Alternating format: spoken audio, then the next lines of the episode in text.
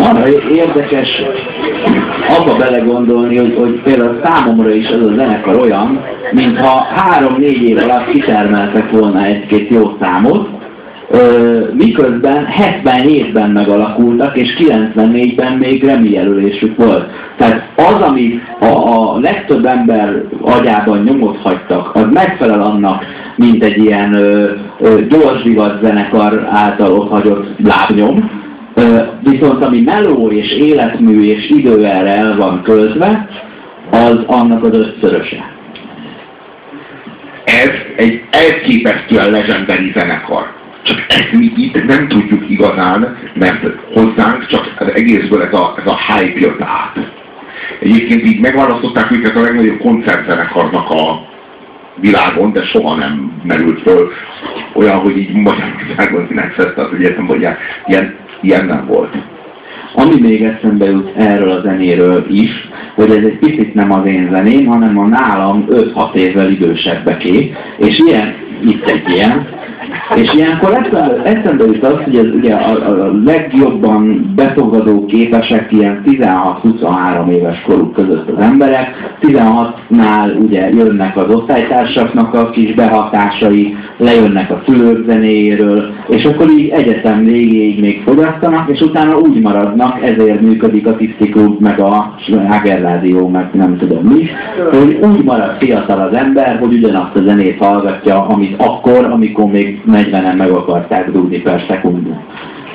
És érdekes lenne azt megnézni, hogy mondjuk mindenkinek az érettségizés évében a legnagyobb öt sláger, és itt megnézed az, az éveknek a legnagyobb öt slágerét, hogy kinek milyen zene tartozott a középiskola befejezéséhez, és hogy az lesz ő egy picit. Az az, amit visszasír 15 év múlva. De a mai, a mai slágereket senki nem fogja visszasírni 15 év múlva, ez a különbség. Aha, ez a különbség, hogy a, ne vedd el a fiatalságukat a kis emóknak, meg a...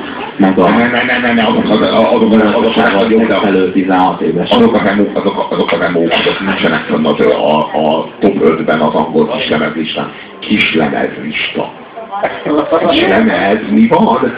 A slágerlista, ami egyébként a kislemezlista, tovább. Igen, igen. Á, oldalán akkor is. Kislemez.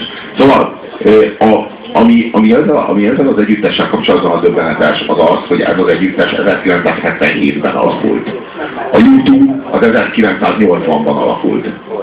A YouTube három évvel később alakult, mint ezek.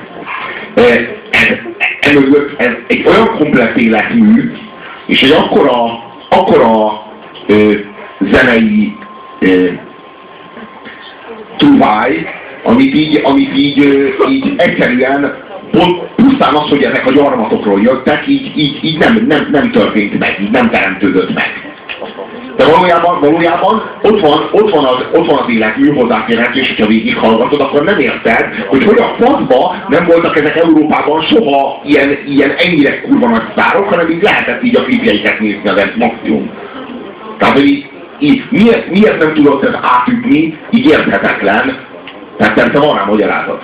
És, és akkor, akkor eljutottunk a post-punk vonulathoz, mert hogy az utolsó előtti lemeze, amit még Árcsírtal csináltak, az Inexesnek az egy bázi post-punk, az az alapján hívják őket post és erről fogtok most látni egy, egy számot szerintem az életmű csúcsa, hogyha ilyet lehet mondani.